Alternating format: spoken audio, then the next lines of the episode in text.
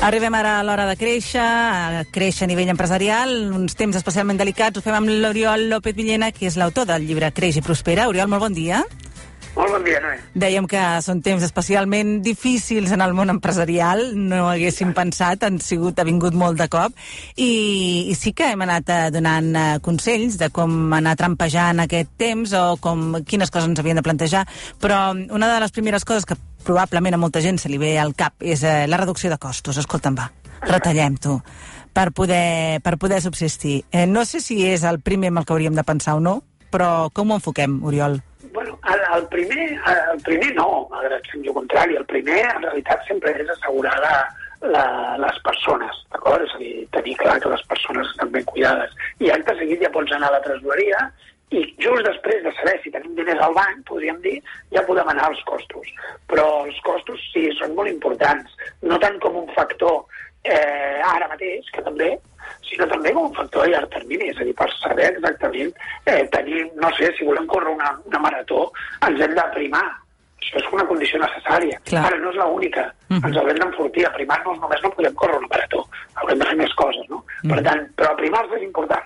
Per tant, crec que hem de tenir molt clar que reduir costos és reduir despesa, però no carregar-nos les coses que són inversió, com per exemple el talent.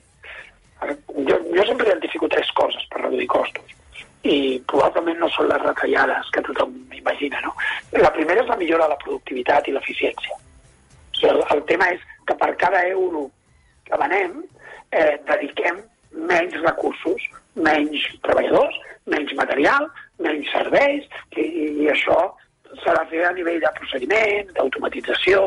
Ara mateix estem en una època en què millor no cal, no cal, podem aprofitar a partir d'ara i no fer tantes reunions presencials i no desplaçar-nos. Podem quedar-nos i fer reunions online.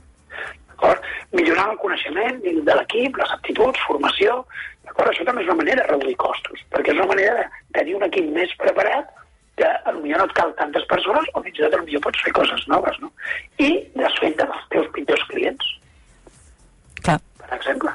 Si tens clients que consumeixen molts recursos dins la teva empresa, eh, és un càlcul que jo animo a fer. Agafeu els clients, mireu la facturació, ordeneu els clients per facturació i mireu quin 20% de clients suposen el 80% de la vostra facturació. Clar, de totes maneres, jo, suposo que deu ser una de les decisions més difícils, no? Perquè un s'aferra als clients com si fossin el bé més preuat. Exacte, però a vegades aquests clients estan fent perdre diners.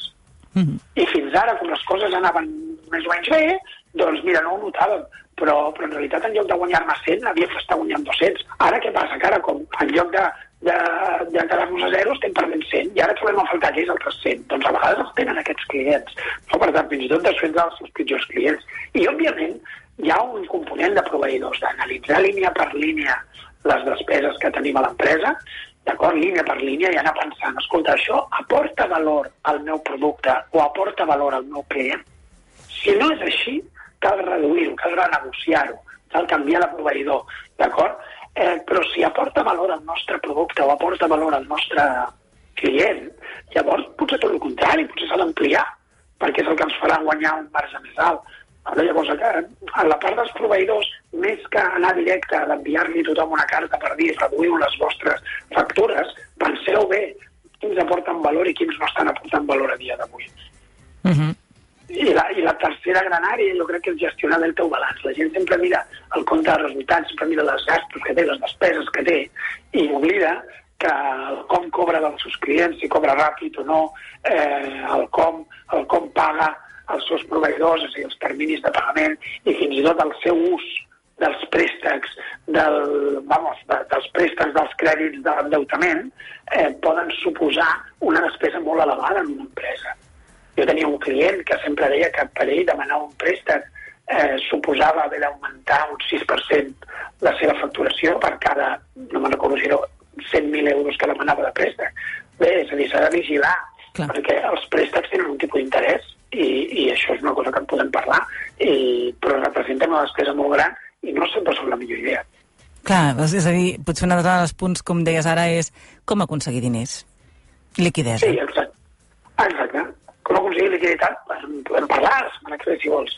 D'acord? Però ara mateix, un, per reduir costos, el que ha de fer és pensar en aquestes coses, és a dir, pensar en millorar la productivitat i l'eficiència, en reduir el preu que paga pels recursos, que són menys importants per l'empresa i en gestionar millor aquesta, aquesta liquiditat, que són cobraments, pagaments i endeutament. Uh -huh. Doncs ho tindrem en compte perquè, perquè venen curves i haurem d'estar preparats. Haurem d'estar molt preparats. Haurem d'estar molt prims, preparats. Per estar prims, però també en forma. Exacte, sí senyor, perquè hem d'arribar al final d'aquesta marató en les millors condicions i sense treure el fetge per la boca. Oriol, ens veiem la setmana que ve. I tant, que vagi molt bé. Adéu-siau. Adéu-siau. La primera pedra, dissabtes i diumenges de 6 a 7 del matí.